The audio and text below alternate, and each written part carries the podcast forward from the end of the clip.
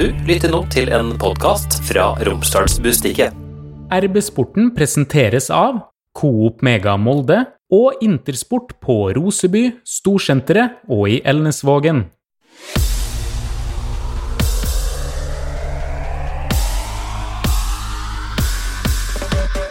Ja, hei og velkommen til en ny episode av RB-sporten. Mitt navn er Martin Brøste, og vi sitter her ja, Vi kjenner eimen, lukten av eh, cupfinale. Sammen med Knut Anders Fostervoll. Hei. Karl Innbjørg. Hei, hei. Nå dro vi jo veldig til sist og har fått veldig respons tilbake, så um, er dere klar? Ja. Vi skal til Ullevål. Trond Hustad, du var ikke med og sang, hørte jeg? Liker å synge alene, ikke sammen med arbeidssporten. Ellers så lurer jeg på hvordan lukta egentlig er cupfinale. Lukter godt, i hvert fall. Det er jeg spent på. Det lukter veldig godt. Vi har, vi har jo vært der uh, før, og etter den uh, oppvisninga som var mot uh, Sarpsborg, og vi veit hvem som ligger i semifinalen der, så ligger jo alt til rette for at det blir en Oslo-tur i desember. Det kan vi si. Ja, skal vi si 80-20, da. I hvert fall. Så lite. Ja, altså det er cup i cup, og møter vi en av lagene der på eh, Humpetitten stadion, så kan det bli tøft. Jeg håper vi skal til Raufoss, for å si det sånn. Ja, det er flere som sier det samme, men vi må ta litt om uh, sjølve kampen. Uh, 24 sekunder tok det, og så satt ballen i mål, og det tok jo ikke lang tid før 2-0 uh, kom. Det var festfotball, uh, i hvert fall i første omgang her, Knut Anders. Ja, vi var jo eh, knapt varm i setet da Jan Kalle satt og drakk ananasbrus. Så var det 2-0. Og eh, feiende, flott eh, festfotball. Jeg sjelden sett maken til effektiv angrepsspill. og Nydelig. Og eh, Sarpsborg var ikke i nærheten av å følge med heller. Så med det tempoet vi har der, så kan vi slå hvem som helst. Jeg gjentar hvem som helst. Oi. Du kommenterte jo kampen, Kalle. Det var rimelig bunnsolid, dette her. Dette var årsbeste førsteomgang. Det var veldig bra. Vi elsker å se MFK når de eh, fremstår på den måten, og da, etter eh, min mening, kan snakke masse og skryte om eh, Bodø-Glimt, de i Norges land som ønsker det. Velfortjent. Men Molde er Norges beste lag når de spiller sånn fotball. Hvorfor gjør de ikke det oftere, da? Nei, Det er også et godt spørsmål, og det må jo kanskje Erling Moe svare ut, hvis vi skal være litt negativ oppi det. Det er veldig bra, Norges beste på sitt beste, men så skjer det noe utover i andre omgangene. Og det, det håper vi at de retter litt på. Jeg skjønner at de kan ikke kjøre på sånn eh, i to ganger 45, men det er litt for stor forskjell da, på omgangene. Men det er ikke litt sånn som skjer når du leder 3-0, og kampen er jo på en måte avgjort til pause, sånn som det var i den cupkampen mot, mot Strømsgodset òg. At uh, da Jeg vet ikke, litt sånn mentalt, da, så bare roer man dette her litt, og det blir sånn transportetappe da, til slutt. Men vi har jo snakka om det, Knut Anders. Det ser jo ikke ut som at de bare slapper av, men de ser litt slitne ut. Det er nok eh, mange element som spiller inn her, men de ser litt slitne ut. Det er mulig at eh, Breivik har en sånn løpsstil når han blir sliten, at han ser ekstra sliten ut, blant annet. Men, eh, flere av guttene var, var litt tunge i sesten utover andre omgang, og det syns jeg var mot Brann. Og vi husker tilbake til Haugesund-kampen, så sleit vi med å fullføre kampen eh, med full stil. Og litt tendens til at de slakker av. Det har jo selvfølgelig litt med et enormt åpningstempo å gjøre. At de springer vanvittig mye første halvtimen og vanskelig å stå i det tempoet hele kampen. Men jeg syns likevel det er en litt skummel tendens som de må finne ut av hvordan de skal løse på en litt bedre måte, uten at de skal rope ulv, ulv av den grunn. For det var som sagt en fantastisk fotballkamp, og full kontroll, egentlig. Så vi skal ikke henge oss for mye opp i det, men hvis vi skal nevne noe som vi må tenke på, så er det akkurat det der. Du satt vel hjemme i godstolen og så på Trond? Ja, jeg har ferie, men jeg satt ikke. Jeg kom fra kjøkkenet, og jeg drakk ikke ananasbrus. Men jeg eh, skulle akkurat til å sette meg ned da, etter 24 sekunder. Så jeg var ikke nedpå engang før jeg var oppe igjen og knytta neven, eh, helt alene i stua eh, der og kosa meg. Dette der var kjekt å se, jeg er helt, eh, helt enig. Den første omgangen der, det er klasse, altså. Det er sånn rundspilling, og de blir tatt på taktikk og teknikk, og de blir tatt på eh, fantasien. eh, altså En motstander som ikke veit hva de skal gjøre. Du ser hvor rådvill de er etter et halvt minutt, etter fire minutt, etter ti minutt. Det kunne vært 4-0 òg, ikke sant? Eh, Veldig tidlig i denne kampen der. Molde på dette nivået der, det er der de må være hvis de skal klare å, å ta en medalje i år og komme seg inn i et godt gruppespill. Og, og så er det selvfølgelig, som guttene i sofaen her sier, det er jo litt eh, foruroligende at de fremdeles ikke klarer å spille to omganger, eller en og en halv, da, i hvert fall. For hvis du tar et tilbakeblikk nå på denne sesongen her. Hvis du går på RB-nett eller på TV-intervjuer og ser på Erling eller på Magnus Eikrem eller andre spillere, så vil de stå helt fra cupkampene februar, mars, april og treningskampene gjennom sesongstarten og snakke om dette her. At nå må vi spille 90 minutter, da, ikke 45 eller 60. Ja, det må opp på et annet nivå eh, når de skal fullføre kampen. For hvis du møter et veldig godt lag, så blir du straffa. Da kan du ikke tillate dette her. Jeg så uh, Emil Breivik intervju med NRK etter kampen, og da var Emil sjøl inne på det, at dette er faktisk noe vi må løse. Han er jo en av dem som uh, har vært veldig god i det siste. Nå spilte en ny uh, god kamp. Nå er han jo så god at han begynner å bli veldig attraktiv for andre større klubber. Ja, han står eh, helt sikkert på, eh, på, lista til mange interessante eh, klubber i gode ligaer nå, og ikke, ikke, nå. Det er nok en del klubber og agenter som har fulgt han over tid, altså. Han har jo hatt et veldig høyt nivå i perioder, både i fjor og sesongen før òg, men nå er han nok så god som han aldri har vært før. At det kan komme et bud på han i sommer, er jo like sannsynlig nå som at det kan komme på Mannsverk eller Brynildsen, f.eks. Det var litt godt med en kamp uten var? Var det egentlig det? Var det det? Vi ser på skåringa som vi fikk imot. Men tåler vi ikke det, da? Nei. Når det gikk som det gikk? Nei, egentlig ikke, for jeg blir irritert. For det, som gammel forsvarsspiller, holde nullen betyr utrolig mye. For det, det, bygger selvtillit over tid. Og selv om du får et pissmål som ikke skulle vært der, så tenker du litt over det likevel. Og eh, ja, det er litt tullete som forsvarspreik, men uh, Spør dem bak der. De hater å slippe inn mål. Keeper liker det ikke. Eh, det å holde nullen kamp etter kamp gir en voldsom selvtillit, så jeg irriterer meg at det ikke var VAR i går. Skapte jo litt spenning i kampen òg, dette reduseringsmålet? da. Ja, bitte litt. Bitte litt spenning gjorde det. og vi, vi, kjente jo litt på det. Hadde de fått en til da, på en heldig dødball, så kunne det blitt veldig spennende, selvfølgelig. Men jeg følte liksom aldri at Sarpsborg var god nok til å utfordre oss eh, på alvor. Var for rysta, og vi var for gode. Og de var for nervøse for hva som kunne skje hvis de kjørte opp absolutt alt de hadde. Så jeg følte meg aldri sånn veldig nervøs. Men nå er altså Raufoss fra førstedivisjon eller Kjelsås fra andredivisjon som blir Molde sin motstander i, i, semifinale. Det får vi vite seinere i kveld hvem det blir når vi sitter her uh, nå. Men uansett hvem av dem det blir, Molde har jo minst én fot her i, i cupfinalen. Ja, det presset blir jo på trenerteam og spillere nå. Det vil jo nesten være tidenes uh, skuffelse hvis de ikke går til cupfinale nå. Det er såpass stor forskjell skal det være fra vi har akkurat sittet og sagt at de er Norges beste lag, de er på sitt beste. Og hvis Norges beste lag ikke går inn til cupfinale og blitt slått ut av eh, lag lavere i divisjonene, så eh, det er nesten ordet fiasko, eh, vil jeg si. For det er jo én ting å møte disse lagene i runde to eller tre av cupen, men når du har kommet til en semifinale og du skal spille om finale, da er du jo såpass skjerpa at det, da, kan du ikke gå på en sånn smell. Nei, det kan de ikke gjøre, og det skal de ikke. Du skal selvfølgelig, Uansett hvem de får her, så skal de vinne ti av ti kamper. 20 av 20, kanskje. Eh, så du må gjerne ha en fornuftig eh, inngang til det, tilnærming, snakke om at cup er cup, bortebane, uvante forhold osv., alt kan skje og sånn, det, det, er greit, men det hjelper ikke. Eh, for denne kampen her skal Molde vinne uansett, og det er klart at det, du kunne jo stått med en semifinale mot Bodø-Glimt eller HamKam eller hva det skulle være, sånn, i teorien, og da må det være lov å si at Molde har vært heldig, og at du får aldri en lettere vei inn til Ullevål enn de får nå. Du møter ikke et dårligere lag i en semifinale, nok en gang. Kan det vel fort bli eh, Kjelsås på den der lille, smale banen, da, men da får de jo trene i Akerhallen da, i 14 dager før cupfinalen eller noe sånt. Du hadde spilt du på den banen, Knut Anders? Jeg har spilt mot Kjelsås, ja. Og det er veldig mange år siden, som sagt.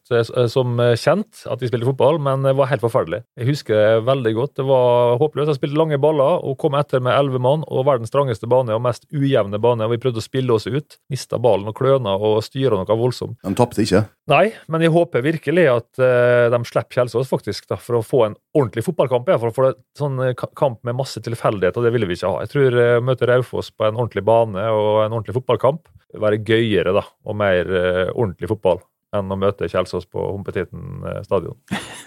Men Treff har jo slått uh, Kjelsås i år, dem. Ja, jeg tror Treff kanskje er mer på en måte vant til sånne arenaer og sånne forhold enn det Molde er. da. Jeg sier ikke at vi kommer til å tape mot Kjelsås heller, på ingen måte, men det er gøyere med en ordentlig fotballkamp. Så Raufoss får med. Litt enig i det du er inne på der, for MFK er jo ikke noe glad i å ikke spille MFK-fotball. Så det blir jo litt utfordringer her, hvis det er sånn det, ender opp. da? For at Hvis du står inne i 16-meteren der og skal trille smarte pasninger til hverandre, så er det en høy risiko eh, hvis de kommer på den måten de bruker å gjøre. Og Da blir spørsmålet hva trenerne velger å gjøre. da, så Skal de spille annerledes, mer kynisk, enklere, lengre? Det er noe som MFK aldri har mestra, egentlig, eh, på mange mange, mange år. Derfor så liker de veldig dårlig å, å gjøre om på stilen. Det var jo en uh, cupkamp her i fjor uh, som I og du vel kommenterte, Kalle. Hvem det var? Var ikke det en bortekamp på ei gressbane der det var overflatevann og ballen trilla ikke? Enda da så drev MFK og spilte ballen fram og tilbake igjen fire-fem ganger og holdt på å gikk galt i første omgang der. Må vi komme på hvilken Bryne.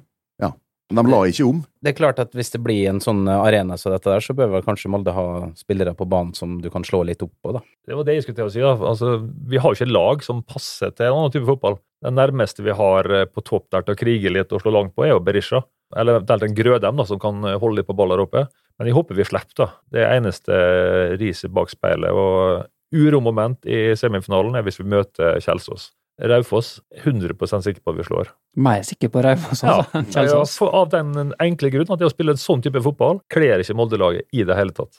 Og Så er det, det er en stund nå til denne semifinalen skal spilles. 27. september. Molde skal ha bortekamp uansett hvem det blir mot. Og så er cupfinalen flytta fram til lørdag 9. Så har det jo òg kommet fram nå at eh, det ligger litt ekstra i potten her, eh, Kalle, for cupvinneren. For uh, cupvinner da får eh, plass i Europa League neste år istedenfor Conference League, som det har vært. Ja, og hvis du spør eh, Leif Arne Langøy og Øystein Næland, så ligger det ekstra i potten, ja.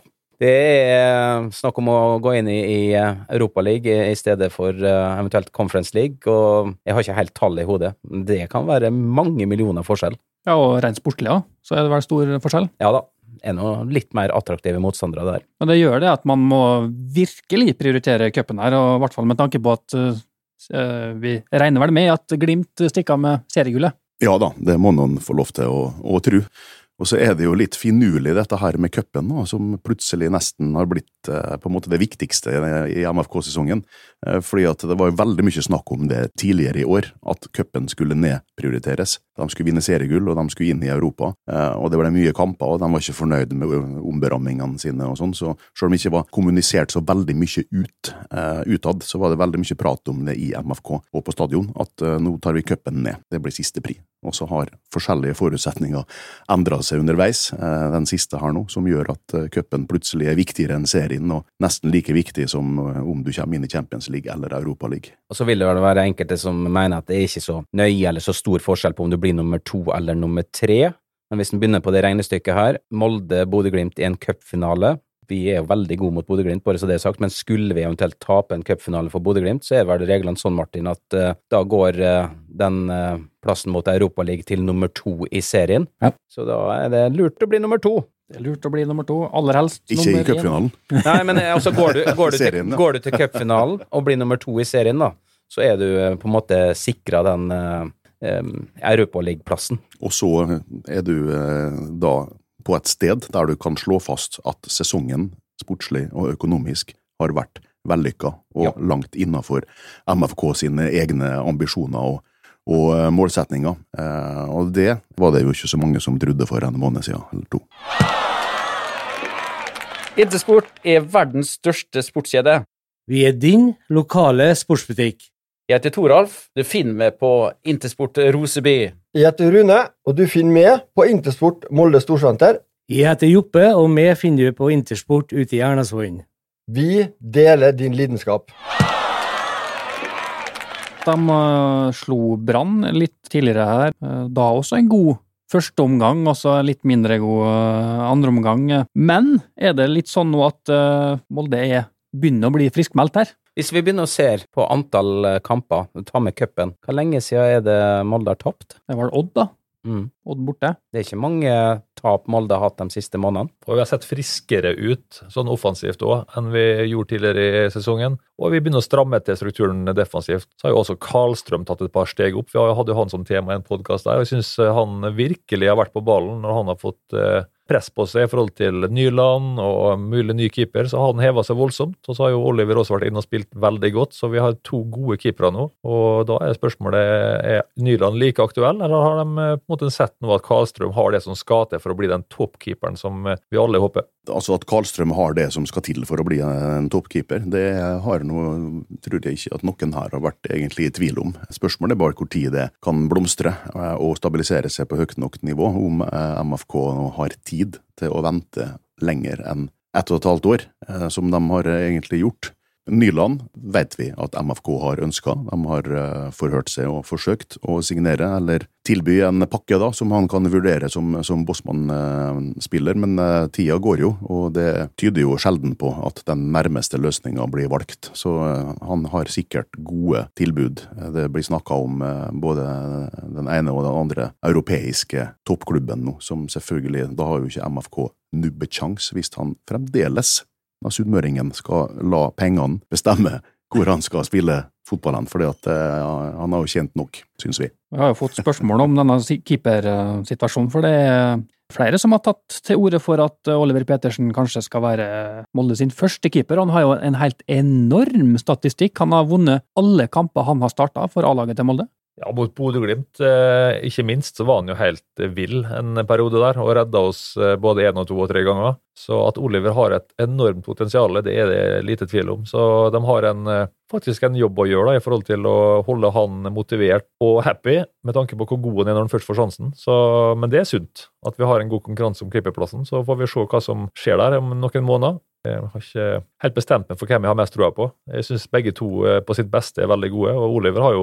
enda ikke spilt en dårlig kamp, så jeg har sett det iallfall. Begge to har eh, masse spisskompetanse, som, som litt, i litt ulik stil, ja, og på, på, forskjellige måter. Og begge er jo gode nok til å være keeper på Molde, eh, for å si det enkelt. Men spørsmålet er om MFK vurderer det slik at de er trygge nok da, på en av dem til å stå alle de kjempeviktige kampene som kommer nå. Det er jo det som er grunnen til at de har gått etter Nyland har speida på eh, flere andre keepere i utlandet også. Det er jo fordi at de eventuelt vil hente en klar nummer én-keeper, som helt sikkert da skal gå rett inn og stå fast. Og hvis det skjer, så må jo Karlstrøm ta den jobben, og så må Oliver Petersen leies ut på et bra nivå, sånn at han får spille kamp hver uke. Molde tok jo seriegull eh, og vant jo også cup med Karlstrøm. Jeg tror nok at de var litt misfornøyd med det som skjedde i Europa. Da snakker vi om disse små marginene da, fra å eventuelt gå inn i Europaligaen, Champions League. Det er nok disse marginene der MFK sitter og tenker på. Ja, og så har vi vært bortskjemt, selvfølgelig, med gode keepere opp gjennom her i mange år, som har vært matchvinnere i år etter år. Senest Linde, som eh, redda én eh, mot én, og straffespark og straffekonk. og altså, Han var jo en sånn tunge på vektskåla som du er helt avhengig av da, hvis eh, du som underdog skal gjøre store prestasjoner i Europa. Skal jo ikke glemme, ja, du var jo i Østerrike, Kalle, og Jakob Kaltrøm var jo, hadde flere matchvinnerredninger når Molde tok seg til gruppespill i fjor. Ja da, gjorde mange gode kamper, men så hadde han vel også noen kamper der eh, både supportere og jeg tror innad i MFK også diskuterte i ettertid at dette var ikke helt eh, klasse. Så jeg tror det er det som har gjort at Og Selvsagt så er det Norges landslagskeeper i, i Nyland, da, når uh, du får spørsmålet der fra kanskje landslagsledelsen kan han være aktuell for Molde, så må de jo diskutere det. Ja, og så tror de at Molde henter en klassekeeper hvis de får en av dem som de ønsker seg. Og så tror de ikke at de kommer til å hente en ny keeper bare for å hente en ny keeper. Da tror jeg at de står med de to de har, og da tror jeg at det fortsatt er Karlstrøm som kommer til å bli førstevalget. Det er jo ikke bare på keeperplass at det skjer og kan skje ting. Birke Risa, som er på vei til New York City FC, Sheriff Sinjan har jo allerede forlatt uh, Molde. Det betyr at det begynner å bli litt tynt i forsvarsrekka her. Ja, ikke minst med venstre fot så er det litt tynt. Så jeg regner nok med at de uh, tenker den tanken at de må ha en til. Nå har jo uh, vår danske venn spilt seg inn i varmen og blitt bedre og bedre for hver kamp han har spilt. Og Dion Kalle syns han var litt shaky til å begynne med i år, men han har blitt mye bedre. Og har en vanvittig innstilling, den gutten. Så Hagleskjær har ja, blitt bedre og bedre.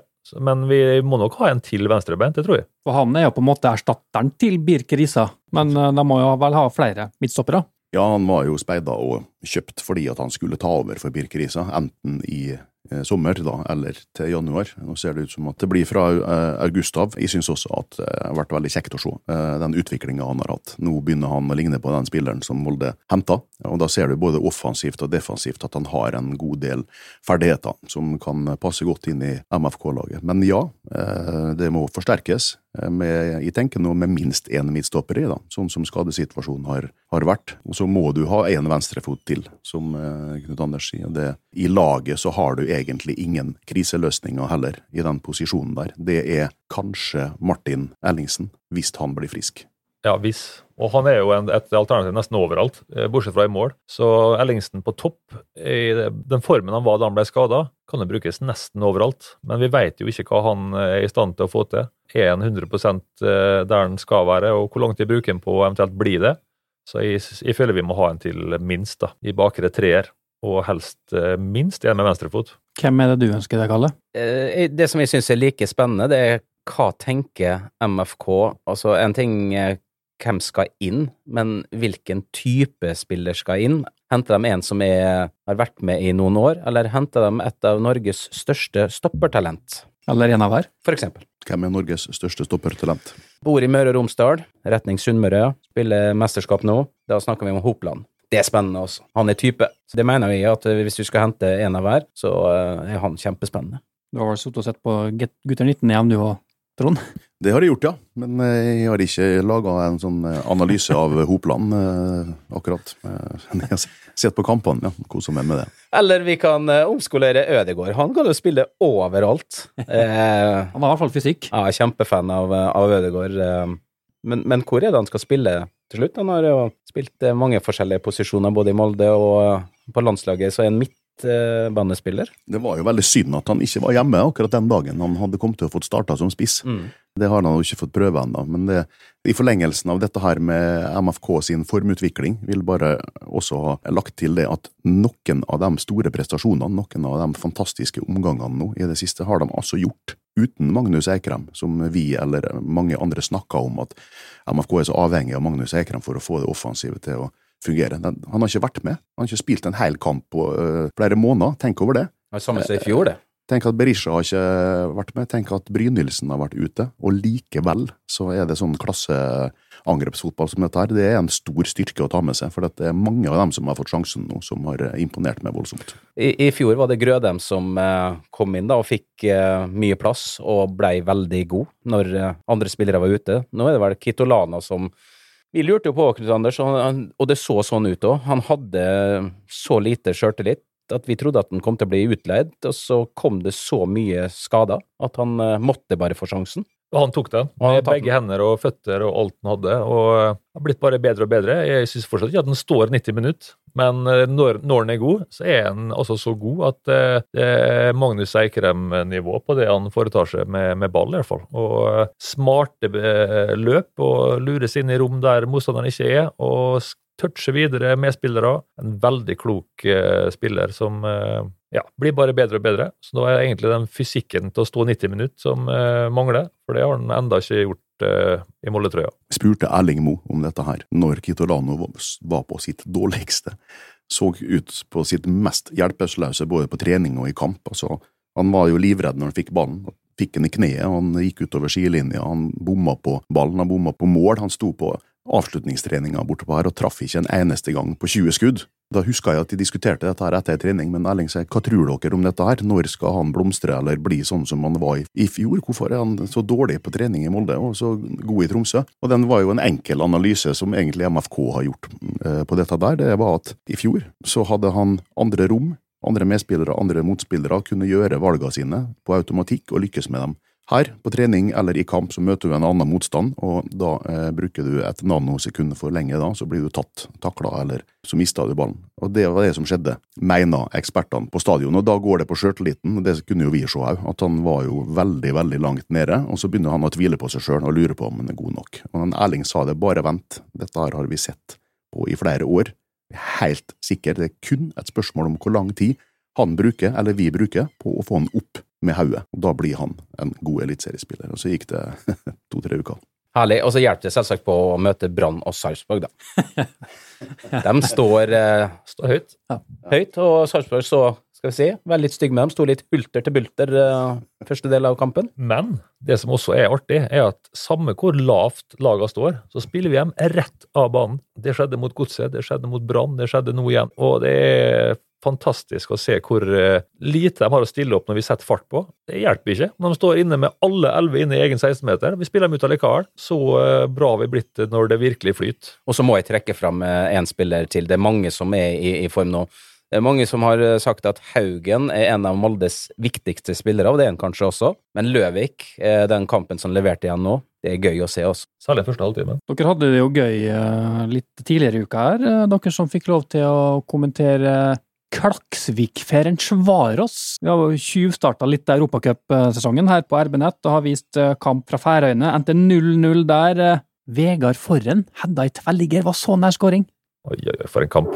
Hadde jo flere muligheter, han. Ja, Klaksvik var jo eh, enda bedre enn vi så dem mot Bodø-Glimt i fjor i eh, kvalik til Champions League. Jeg syns de var gode da òg, men jeg syns de var enda hakket skarpere nå. Hadde de hatt alle sine beste på plass fra start og ingen ble skada underveis, så hadde de nok hatt med seg en seier også til eh, bortekampen. Han var veldig nærme, og hadde kanskje til og med fortjent det ut fra sjanser, i hvert fall. Er det håp om et under i Budapest, at Magnus skal greie det umulige å slå Ferencvaros? Jeg krysser i hvert fall fingrene for det, for da får vi sende nye kamper med Klaksvik, og da får vi flere ganger oppleve å se at Fossi og eh, DJ Kalle Fakta og eh, tallknuser Jens Mo skal trøkke seg inn i denne lille boksen her, de tre nye trioen vår som er Klaksvik-reporterne. Det var, var nedom her i pausen, jeg prøvde å ha opp døra, men det var så lite oksygen der inne at det gikk ikke an. Så eh, absolutt, det hadde vært veldig kjekt for våre helter og gamle venner hvis de klarte det. Og så hadde det vært veldig artig for RB Nett sine abonnenter å, få se en runde til, kanskje mot et svakere lag enn den motstanden de har nå. ikke sant? Og så er det en uh, ekstra ting, da, når vi skal følge kampen på onsdag. Én ting er at uh, vi skal heie på Klaksvik, som uh, på en måte bli en, en lokal identitet gjennom våre menn som er med der. Men hvis Klaksvik gjør jobben sin og slår Ferencvaros, så vil det også glede MFK. Da vil Molde altså bli sida i kvalikrunde nummer tre i Champions League. Nå er de det, det, beste usida-laget per nå, men hvis uh, Ferencvaros blir slått ut, så vil Molde bli sida. Og Det gjelder også hvis uh, Slovan Bratislava blir uh, slått ut, og de greide altså bare 1-1 på hjemmebane mot uh, luxemburgske Swift Hesperange. En gang til! Swift Hesperange. Så vi lever i håpet om at kanskje Molde kan få litt grann hjelp å bli sida i uh, kvalikrunde nummer tre i Champions League. Det er håp. Så kan vi ta med da bare kort at HEK Helsinki de vant 1-0 hjemme mot uh, Larn FC, så fortsatt litt åpent der om det blir Finland eller Nord-Irland på Molde. Vi har jo bestilt billetter til Finland, så, så, så. Det er jo ikke så mange år siden jeg og Knut Anders var i Belfast, Stemmer, så vi tar heller en tur til Helsinki. Det er den morsomste kampen du har kommentert, uh, Knut Anders. Da hadde jeg ferie, og da sendte vi Knut Anders alene, og da, da tror jeg du sleit. Ja, det var jo en forferdelig bortekamp, rett og slett, på en uh, intim uh, pubarena. Og jeg må si Erling Braut Haaland har aldri vært så dårlig som den kampen der. Aldri! Ole Gunnar Solskjær har aldri vært så flau som nå etterpå. Han, Nei, var Knut Anders altså- sleit ikke bare med å kommentere kampen, da, for det var jo ikke så mye å snakke om. Men han sleit også med å uttale navnet på motstanderen riktig. da. Glenn Avon. Ja, Glenavon. Det var veldig artig å være der. da. En veldig fin tur. og Det var jo da fest på hotellet mens vi var der. Og det var jo da eh, protestanter mot katolikker, og det var slåsskamp, og det var fullstendig galehus mens vi var der. Det var en sånn merkedag, og så var det et bryllup med gjester fra begge sider. Ja. Så det, Vi låste døra på rommet, det kan jeg bare si det. Det foregikk noe voldsomt. Men vi overlevde og kom oss hjem igjen. Det var pansra kjøretøy overalt når vi for rundt der. Så nei, vi drar gjerne til Finland neste gang. men eh, Helsinki er jo bare å eh, regne som eh, også en krevende motstander for MFK. Åpenbart et bedre fotballag enn Larn. Dette her er ikke en eh, kamp Molde bare kan gå og, og hente avansement i. De som har sett på Helsinki, mener at det er en tung materie å bryte ned, og et godt lag å møte. Men eh, vi er vel fremdeles ikke oppe på Hekken-nivå, så vi er vel fornøyde uansett hvem som vinner den returkampen der. Tony Koskela som eh, trener der, så det blir jo artig å eventuelt da møte han. Og Jona Toivio. Spiller Toivio? Spiller. Han var i hvert fall på benken mot Larn. Så, men han skal jo spille, hvis han møter Molde, selvfølgelig. Ikke, ikke lage frispark på innafor 30 meter, da. Hvis vi møter Helsinki og han spiller. For en sinnssyk eh, frisparkfot han har.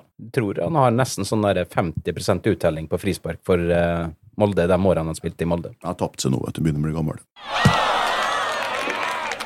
Hei, Hilde her, fra Coop Mega Molde. Og Coop Mega Molde finner du alt du trenger til både hverdag og fest. Kom og la deg friste av den lengste ferskvaredisken i Romsdal. Du finner også et stort og bredt utvalg mat fra lokale produsenter. Velkommen til Coop Mega Molde. Vi må bare si at det var jo et uh, sjokk. Geir Bakke har blitt ansatt som Vålerenga-trener. Går da fra Lillestrøm til uh, Vålerenga. Molde som skal møte Vålerenga på eh, lørdag. Eh, Det blir vel da Geir Bakke sin første kamp, men eh, jeg må innrømme at jeg trodde ikke på det når jeg så at Geir Bakke var klar for, for Vålerenga. Jeg trodde helt seriøst at nå er nettsida til Lillestrøm hacka. Jeg, tr jeg tror det er han som skal være trener. De bytter ikke igjen nå, før Molde skal Han rekker å få med seg en kamp. Vi får se. To, tre kamper. Det er en helt aldeles vanvittig overgang. Eh, altså Det er omtrent som, det er så gale som at eh, Erling Moe blir trener i Rosenborg nå, om ei uke. Altså, det, det er på det nivået der, altså. Så hvor mye drit vil du ha, ha etter det i livet ditt? Det tenker jeg Han har tatt et valg her. Og skal han få kjørt seg, og det skal, det skal klubben få òg. Så for Eliteserie sin del så er det klart at det nå blir det trøbbel i Lillestrøm. Her er det detter lifta litt ut av en, en, det som så ut som en skummel eh, konkurrent, når det blir mye kaos og, og uro. Men eh, kanskje er det Geir Bakke som er mannen som endelig klarer å få til noe med dette her Vålerenga-laget, for vi vet hvor dyktig han er. Hvor mye eh, han har eh, klart å utvikle med veldig veldig små ressurser i mange klubber, var også av mange regna som arkitekten på treningsfeltet bak Molde sin supersesong, når de tok det double i, i 2014, når han var assistenten til Skullerud. Og så har han vært litt sånn som eh, Erling Moe. Han kan vinne kamper med forskjellige formasjoner. Han har vært innom det aller meste og fått til suksess, om det er 4-4-2 eller 4-3-2-1, 3-5-2.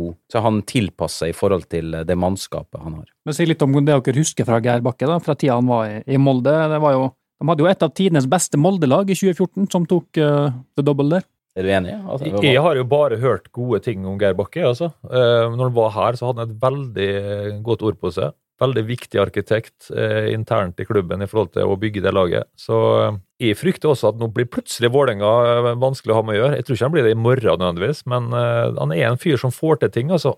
Overalt han har vært, så har han vært viktig for å få til ting, og har fått resultat. Og stabla jo opp Lillestrøm fra å være nivå to-lag til å være en eh, seriøs utfordrer på toppen av eh, Eliteserien. Så at han kan få til ting med hvem som helst, det er jo nesten derfor jeg tror han gjør det. For det er ingen som får det til med Vålerenga. Kanskje det er den liksom ultimate utfordringen i norsk fotball, da, bortsett fra Rosenborg, kanskje. Så er Vålerenga den klubben ingen får til. Så hvis Geir Bakke får til det, så får han jo et kjempepluss i CV-en sin. Så det er kanskje det som gjør at det er fristende. Men jeg er sjokkert og litt eh, skal jeg si, Vil du virkelig det sjøl så vondt at du vil ha hele halve Norge på nakken eh, i mange år framover? Men det er tydeligvis verdt det, da. Men jeg er litt overraska og litt sjokkert over at han gjør det nå, og ikke venter til sesongen er over. Men jeg syns Martin bommer litt her, Knut Anders. Eh, Snakk om tidenes MFK-lag. Eh, Det er jo bare en utgave som spilte Champions League, da. Jeg sa ett av. De lærde strides. Men vi har hatt mange gode utgaver av MFK. og Den som er nå, som vi, så i fjor blant annet, var jo på sitt beste utrolig gode. Og den vi ser i første 20 minutter i, i går og så videre, det var voldsomt. Så MFK på sitt beste i 2023 er noe av det beste jeg har sett. De må heve bunnivået sitt eh, ganske mye for at de skal bli like gode som de beste årgangene. Med all respekt for Knut Anders og eh, alle andre legender og eh, helter. Det er bare å finne fram VHS-kassetten og se en bortekamp i, eh, Champions League 1999, og så konstatere at eh, verden har gått framover, og at de siste sesongene har Molde hatt et, et lag som, som er bedre enn det meste laget. Er dessverre sånn at alt blir bedre. Friidrett, fotball, alle idretter, så blir alt bedre hele tida. Å sammenligne sånn er jo meningsløst, selvfølgelig. Men eh, mange gode årganger i MFK. Vi har mye god historie å ta med oss. Eh, Det er en stolt klubb. Og fått ufattelig mye lille byen på Nordvestlandet. Så vi har all grunn til å være stolte av oss sjøl. Derfor er vi så glad i klubben nå. Vi får til ting som andre på samme størrelse ikke i nærheten av å få til. Vi er stolte av klubben. Det betyr også noe i det, det de skal inn i nå. ikke sant? De avgjørende, viktige kampene nå. Det, er, det betyr så mye, dette udefinerbare der. Hvis du har gjort det før, hvis du har lykkes før, hvis du har vært der før, så har du en, en stor prosent, mye større sjanse enn Helsinki eller Larn eller eh, hva det skulle være, til å bikke det i din eh, favør. Og der har MFK en kultur. Du har en trener på benken der som spilte sammen med det mot Real Madrid i Trond Strande, ikke sant. Du har spillere i Eikrem osv. som har vært eh, i Champions League for andre klubber.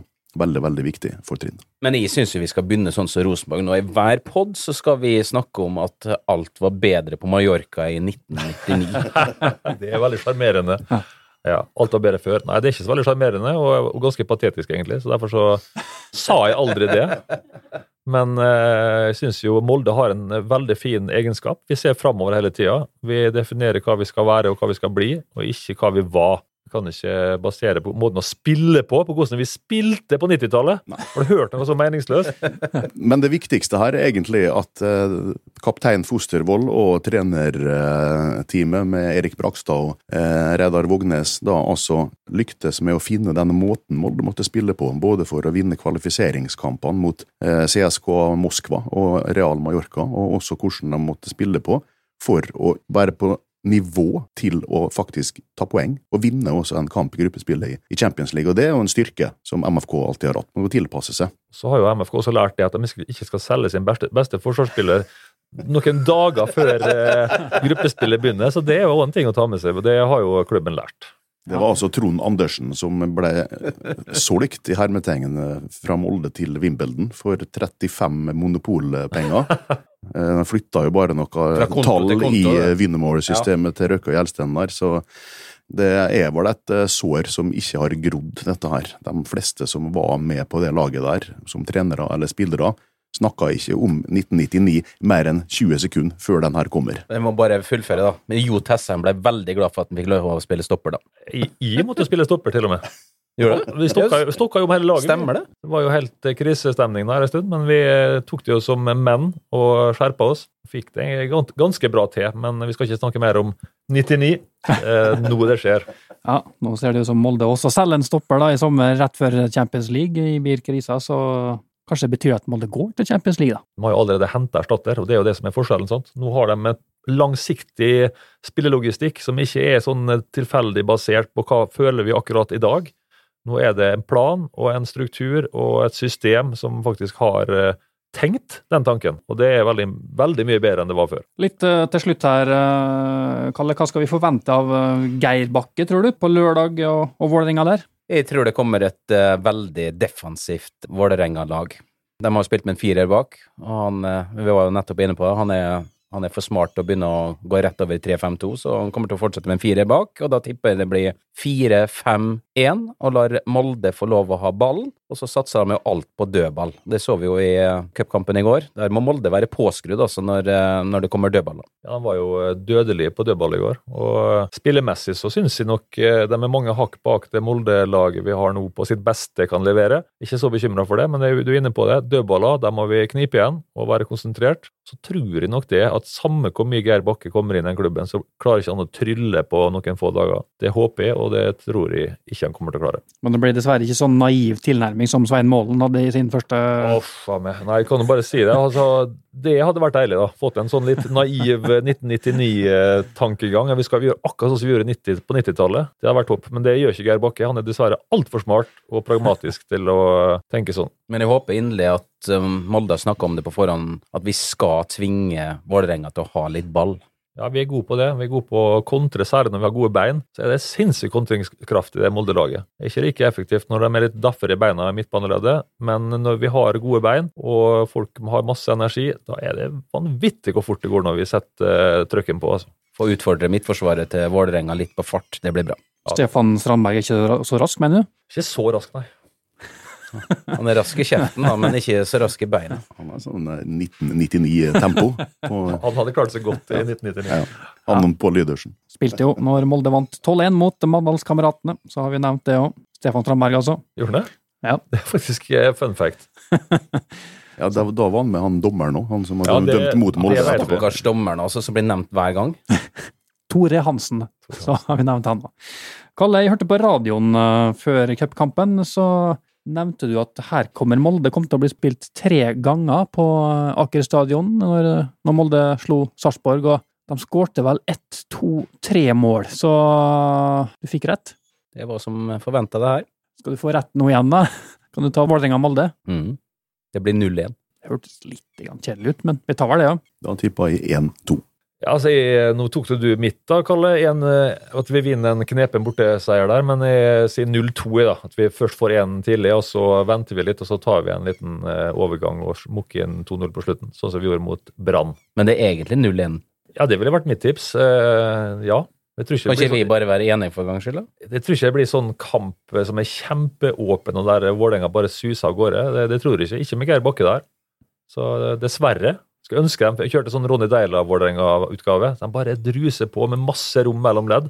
Det hadde vært deilig. Da hadde det blitt eh, 0-5. Men eh, det gjør nok ikke det. med Men Ronny Deila er ikke der nå. Dessverre ikke. Så nå er det andre koster. Tror det vil være nå. Helt til slutt, uh, Ferencvaros mot uh, Klaksvik. Vi skal få se den nå på, på RB-nett, Kalle. Jeg ser for meg den fantastiske dramaturgien der. En ting er å, å heie på våre lokale menn som er der, men som vi har allerede vært, eh, vært inne på, hvis eh, Klaksvik eh, går videre, så vil det altså sørge for at Molde blir sida i neste eh, trekning. Så at det er uavgjort på slutten der, det har vært fantastisk. Da har vi fått den dramaturgien som vi skal. ha. Klokka 18.00 på RB-nett onsdag, har jeg rett da? Jo, det tror jeg er ganske rett. Takk for at dere kom, Knut Anders, Kalle og Trond. Og takk til det som har lytta på, og så er vi snart tilbake med en ny episode. RB Sporten presenteres av Coop Mega Molde og Intersport på Roseby, Storsenteret og i Elnesvågen.